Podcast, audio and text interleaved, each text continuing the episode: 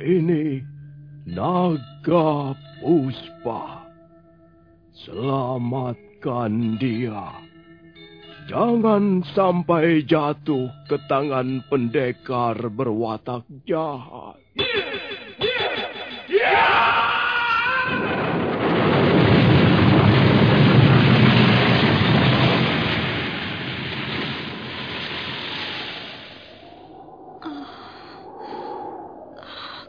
Kakang Kamandanu. Kau... Kau masih juga tidak percaya bahwa aku... Aku mencintaimu. Mesin. Maafkan aku, Mesin. Oh. Mesin. Oh. Mesin!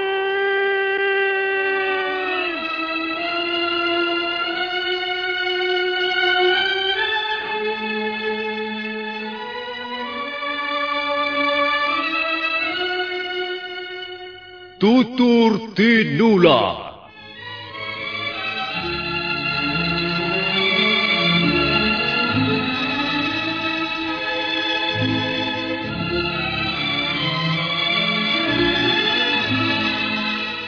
Sebuah sandiwara radio serial, produksi Sanggar Cerita dan Teater Sanggar Prativi.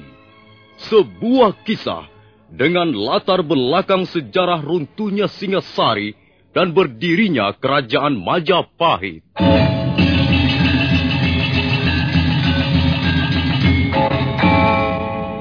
Sandiwara ini didukung oleh pemain-pemain radio yang sudah ternama. Ferry Fadli, Ivone Rose, dan Eli Ermawati.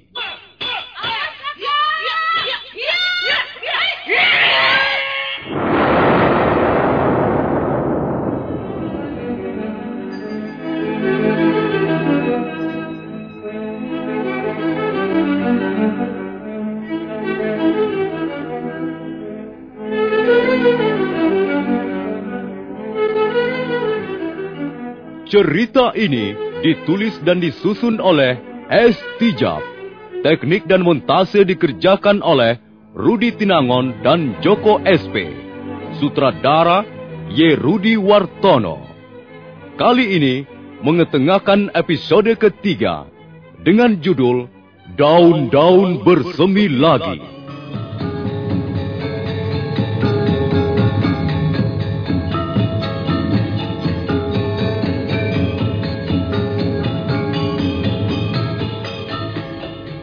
Dalam seri yang ke-67 ini didukung oleh para pemain Edi Dosa sebagai Lo Sisan, Eli Ermawati sebagai Mesin, Haryoko sebagai Empu Renteng, Surya Tanjung sebagai Jaran Lejong, Wenda sebagai Jaran Bangkal, Idris Afandi sebagai Macan Kombang, M. Pratomo sebagai Kebo Kluyur, Narto sebagai Adisara, dan pembawa cerita Nusri.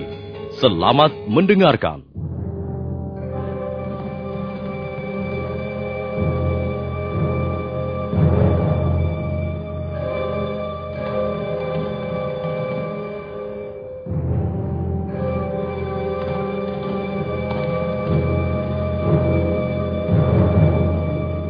Baru saja Maisin melangkah empat lima tindak. Mendadak jaran lejong dan jaran bangkal muncul menghadang mereka. Kedua orang kaki tangan emputong bajil itu segera mendekati Maisin yang menggenggam pedang naga puspa erat-erat. Kita beruntung, Kakang Jaran Bangkal. Kitalah yang beruntung. Karena akhirnya kita yang berhasil menemukan pelarian orang asing itu. Hati-hati, Adi Jaran Bangkal. Mungkin yang seorang lagi bersembunyi tidak jauh dari tempat ini. Dan kita bisa masuk perangkapnya. Hei, di mana temanmu yang laki-laki itu? Temanmu atau suamimu dia itu? Di mana dia? Mau apa kalian mencari lau suamiku? Kalau kalian mau menangkap aku, silakan. Oh, berani juga wanita asing ini, Kakang. dia menantang untuk kita tangkap. Ah, mungkin dia sudah tidak cinta lagi pada suaminya. Karena itu ingin kita tangkap Adi Jaran Lejong. Otak kalian kotor berdebu. Bagaimana kalian bisa menjadi pendekar sejati dengan otak sekotor moncong babi hutan? Berdebah. Kau berani sekali mengumpat kami sekasar itu. Apa kau tidak menyadari bahwa nasibmu sekarang berada di tangan kami? Hah? Ayo, menyerah saja. Menyerah dan mari ikut kami. Hmm, kalau kau menyerah, berarti kau bersikap manis pada kami. Dan hal itu tentu saja sangat menyenangkan karena pekerjaan kami bertambah ringan. Hayo, menyerah saja. Dan mari kami bawa menghadap Tuan Kebo Mundarang di Kediri. Percayalah, kau tidak akan diapa-apakan. Aku tidak akan menyerah. Sekalipun aku seorang wanita. Ayo, majulah kalian berdua. Kalian baru kuizinkan membawaku ke Kediri kalau aku sudah terkapar menjadi mayat. Hmm, jadi kau memilih cara seperti itu, ha? Sayang sekali. Mengapa kami harus memperlakukan seorang wanita lembut seperti kau dengan kasar? Ayo, Ali Jaran Lejong. Baik. Nanti keburu pagi. Cepat kita bereskan saja wanita ini sekarang juga. Baik, Kakang. Jaran Lejong dan Jaran Bangkal segera mempersiapkan jurus-jurus untuk mengawali penyerangan. Tapi mereka tergagap ketika mesin melompat mundur dan...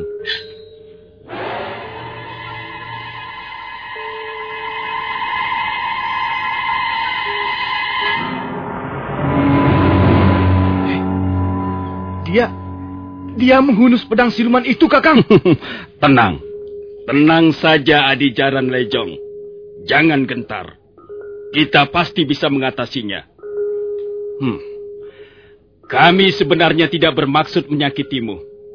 Tapi mengapa kau menggunakan senjata itu? Kalau kalian mendekat, tubuh kalian akan hancur lumat terkena sambaran pedang ini. Hayo, mendekatlah kalau kalian benar-benar pendekar jantan. Jangan kau paksa kami untuk sungguh-sungguh bertarung. Kalianlah yang memaksaku menggunakan pedang ini. Hiya!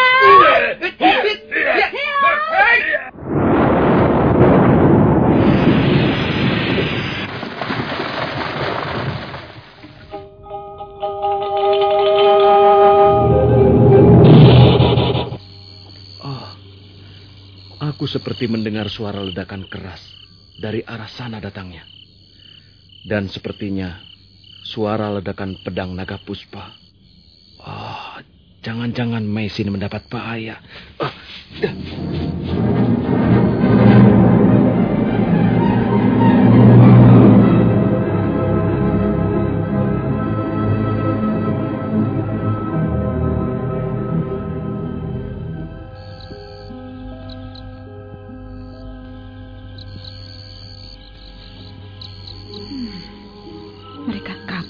semuanya. Mereka tak berani menghadapi pedang pusaka ini. Dasar pendekar berwatak pengecut. Hah? Pedang ini... Ah, mengapa seperti lengket di telapak tanganku? Ah, tenagaku... Tenagaku seperti tersedot kekuatan dari dalam benda aneh ini. Ah, aku... aku tak bisa melepaskannya lagi. Ah, bagaimana ini? Tidak tahan lagi. Ah, kalau begini, aku... Aku akan... ah, aku akan lenyap bersama benda ini. Oh, biarlah. Biarlah aku harus mati bersamanya. Aku akan terjun ke sungai yang dalam itu dan hilang bersama pedang naga puspa ini. Ah, Mesin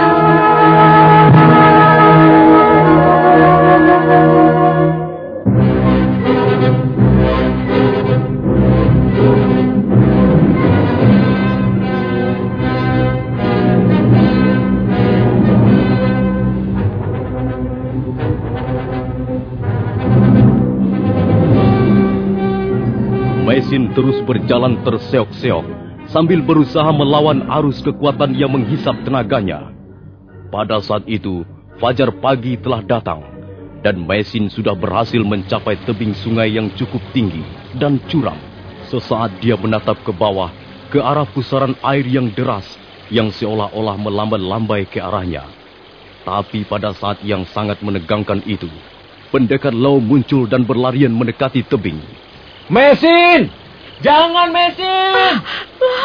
Loh, jangan mendekati aku, loh. Mesin. Mesin istriku. Apa yang akan kau lakukan, Mei? Biarlah, biarlah aku mati terseret arus di bawah sana bersama pedang ini, loh. Biarlah aku menjadi korban senjata pusaka ini. Jangan, Mesin. Jangan lakukan itu, Mei. Aku, aku tidak tahan lagi, loh.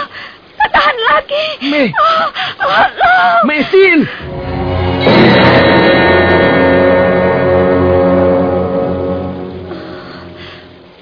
Maafkan aku, loh. Maafkan aku. Aku tak bisa menahan diri. Sudahlah. Kau terlalu lelah. Jangan menambah beban dengan pikiran yang macam-macam. Untung kau segera datang menolong. Kalau tidak, aku tentu sudah tak ada lagi, loh. Bukankah kau sudah tahu rahasia menggunakan pedang ini? Mengapa kau berani mengeluarkannya dan menggenggamnya terlalu lama? Kau pasti belum lupa peristiwa yang menimpa Langkir, bukan? Dia mati seketika karena berani mengamuk dengan menggunakan pedang ini. Tubuhnya hangus seperti terbakar. Iya, aku masih ingat apa yang pernah diceritakan gadis bernama Kurantil itu. Tapi entahlah, aku gugup ketika dua orang laki-laki itu mau menyerang aku. Siapa? Eh, dua orang laki-laki katamu. Iya, aku kepergok dua orang kaki tangan emputong bajil. Mereka bermaksud menangkap aku dan membawa ke Kediri. Hmm. Kalau begitu kita harus segera meninggalkan tempat ini, Mesin. Iya, benar loh. Daerah ini tidak aman. Mereka terus mencari dan melacak tempat persembunyian kita. Nah, marilah kita pergi. Kita cari tempat persembunyian yang aman. Setelah beberapa hari, kita bisa meneruskan perjalanan ke desa Kurawan.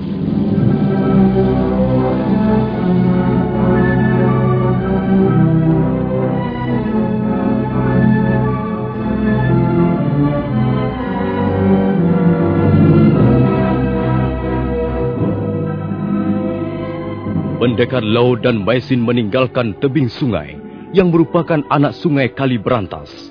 Mereka berjalan menuju kaki Gunung Anjasmara. Mereka berjalan sengaja menghindari tempat-tempat yang ramai. Menjelang tengah hari, mereka tiba di desa Pakahuli. Mereka istirahat sejenak di pinggiran desa untuk sekedar melepaskan rasa dahaga dan lapar. Setelah itu, mereka meneruskan perjalanan hingga senja tiba. Pendekar Lau mengajak istrinya menginap di sebuah vihara tua yang terletak di celah-celah lereng antara Gunung Anjasmara dan Arjuno. Oh. Hmm. Tempat ini cukup aman untuk bermalam. Sepertinya daerah ini tidak pernah dijamah manusia lagi. Iya, tapi eh, udara di sini sangat dingin. Oh, lihatlah, tanganku sampai berkerut karena menahan dingin. Kasihan kau istriku. Kau harus ikut menderita bersamaku. Aku sudah menyadarinya, loh. Kau benar. Apa yang kita alami, kapan dan di mana pun kita berada, sebenarnya bukanlah wewenang kita. Semua ini sudah menjadi kehendak sang nasib yang selalu akan menyertai ke mana kita menginjakkan kaki. Syukurlah kalau kau sudah mengerti. Hanya kadang-kadang aku merasa kasihan dan iba melihat keadaanmu. Mestinya kau bisa hidup tenang dan bahagia. Seandainya bukan Lau Sisan yang menjadi suamimu, Mei. Lau, jangan berkata begitu. Aku tak mau mendengarnya lagi. Aku berkata dengan rasa tulus, Mesin. Aku... Aku merasa tidak bisa membuatmu bahagia. Apa pun yang terjadi dan kualami, selama kau masih setia, aku akan merasa bahagia loh. Oh, Mesin istriku. Aku bangga sekali dapat dipertemukan dengan seorang wanita seperti kau. Aku tidak akan menyesal seumur hidupku, Mesin. Aku pun tak akan menyesal seumur hidupku loh. Ada apa loh? Mengapa kau memandangku terus? Apakah ada yang aneh dalam wajahku? Kau... Kau kelihatan amat cantik malam ini. Ah, kau macam-macam saja. Rambutku kusut. Dan sudah sejak kemarin aku belum membersihkan badan. Bagaimana kau katakan aku cantik?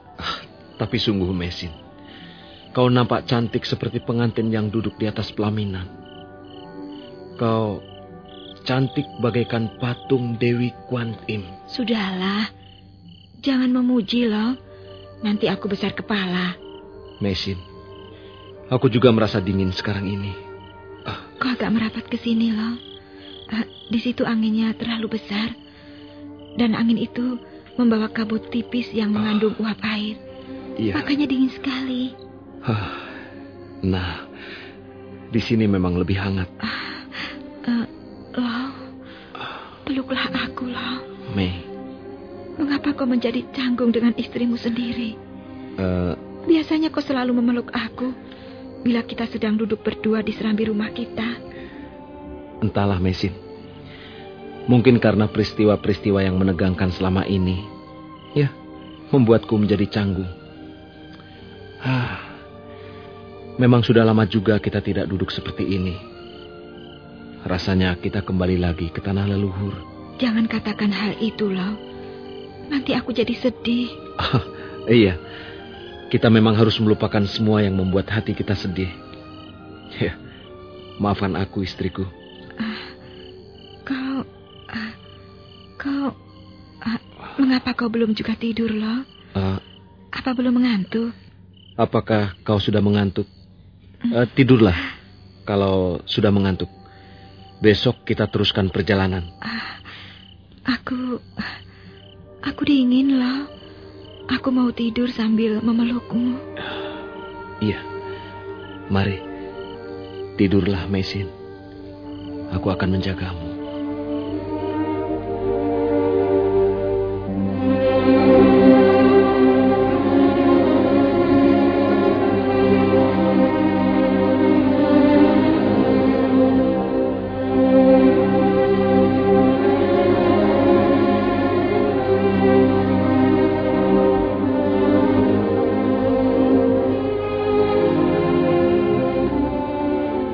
Dua insan suami istri itu pun tertidur pula setelah beberapa saat lamanya memadu kasih, memadu cinta penuh gelora yang indah.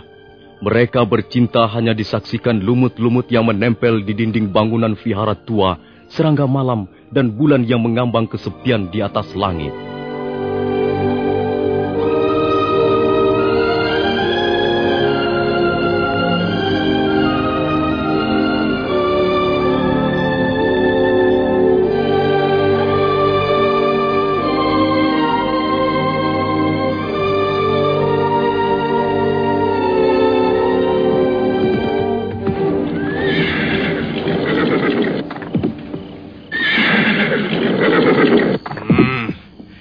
Ke mana larinya dua orang asing itu?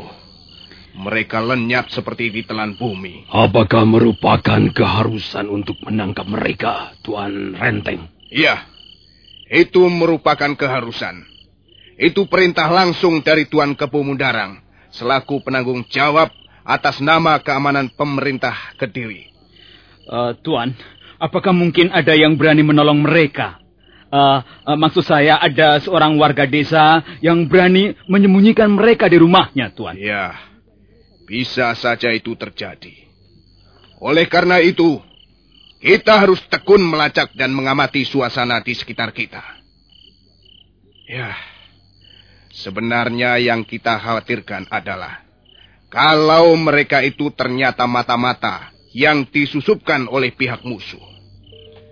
Seperti kalian ketahui, sampai saat ini pemerintah Kediri masih terus mengadakan gerakan pembersihan. Sisa-sisa kaki tangan Prabu Kertanegara belum seluruhnya bisa dibasmi. Dan mereka masih mengharapkan suatu ketika dia Sang Ramawijaya akan tampil kembali untuk memimpin pemberontakan balasan.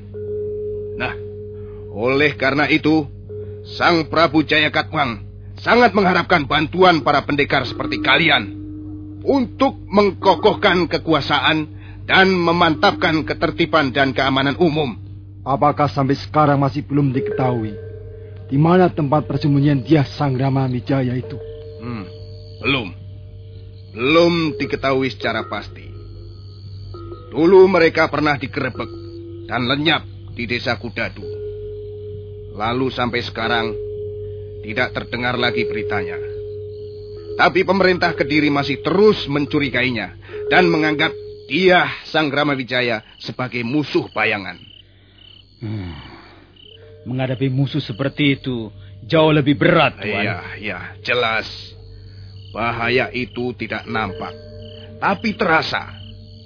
Kalau kita lengah dan tidak waspada, bahaya seperti itu bisa langsung muncul dan mengancam sendi-sendi kekuasaan pemerintah.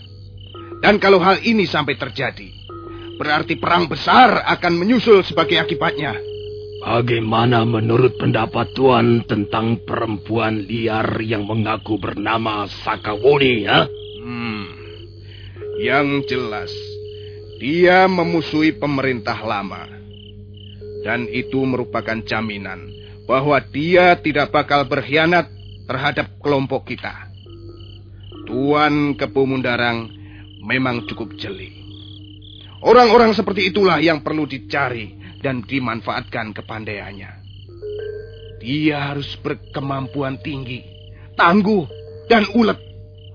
Tapi dia juga harus mempunyai alasan yang kuat untuk bergabung dengan kita. Hmm, mengapa kau tanyakan hal itu, Macan Kumbang? Apakah kau masih penasaran? Oh, tidak, Tuan Renteng.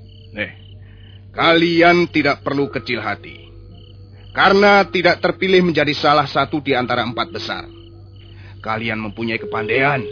Dan kalian bisa menggunakannya untuk membantu pemerintah Kediri. Oh, Tuan, Tuan Renteng. Huh? Uh, saya melihat sekilas ada dua orang berlari-lari kecil menyeberangi lembah di depan itu. Uh, sepertinya seorang laki-laki dan seorang wanita. Hmm, iya. Jangan-jangan mereka dua orang asing itu. Mereka seperti buru-buru dan bayangannya segera lenyap di balik kundukan bukit batu itu, Tuan. Uh, baik, baik. Sekarang begini. Kau, Kebu Kluyur, Macan Kumbang, ya. dan Adisara. Ya. ya. Kalian bertiga mengejar dua orang itu melewati jalan setapak ini. Dan aku akan menggunakan jalan yang lain. Baik, Tuan.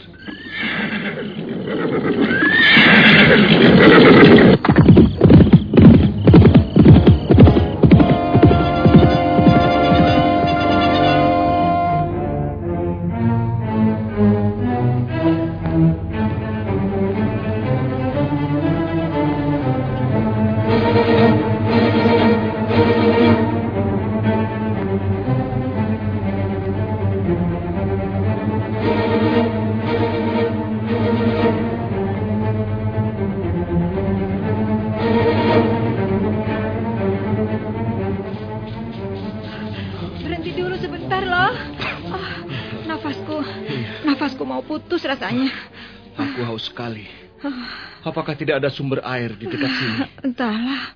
Oh. Mungkin di sebelah sana loh. Tempat ini terlalu terbuka. Rasanya kurang aman, Mei. Ah, uh, itu, lihat. Di sana itu ada rimbunan pohon-pohon liar.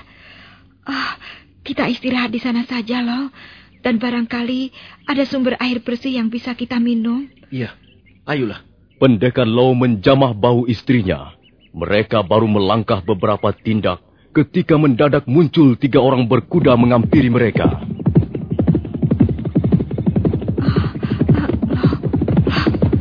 Ada orang-orang Tenang saja, Jangan gugup. Benar juga dugaan kita. Lihat, bukankah mereka ini orang-orang yang kita cari itu? Tenang, Mesin. Kalau sampai mereka mau berbuat jahat pada kita, Jangan jauh-jauh dariku. Uh, loh, bukankah mereka uh, tiga pendekar yang ikut bertanding di Candi Surapana? Iya, aku masih bisa mengenali mereka. Yang membawa senjata rantai itu kalau tidak salah bernama Kebuk Luyur. Bagaimana Paman Kebuk Luyur? Apa yang akan kita lakukan sekarang? Ya, apalagi kalau bukan segera meringkus dua orang asing ini. Kalau begitu, apalagi yang kita tunggu? Ayo, cepat tangkap mereka!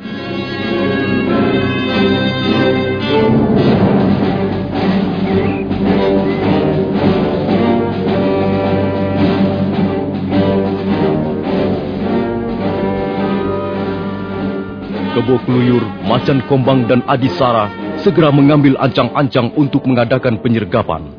Pendekar Lao dan Maisin berdiri berapat dan agaknya mereka telah siap bertarung mati-matian. Kami tahu siapa kalian, dan kami juga tahu apa maksud kalian mengepung kami. Ayo, tangkaplah, tangkaplah kami. Tapi kami pun tidak akan berdiam diri. Lebih baik kami mati berkalang tanah daripada harus menyerah.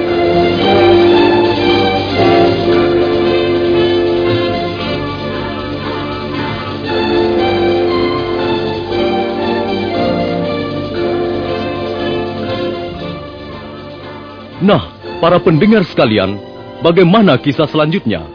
Apakah akhirnya pendekar Lau dan Mesin harus tertangkap dan dibawa ke Kediri sebagai tawanan? Silakan mengikuti seri berikutnya. Sampai jumpa.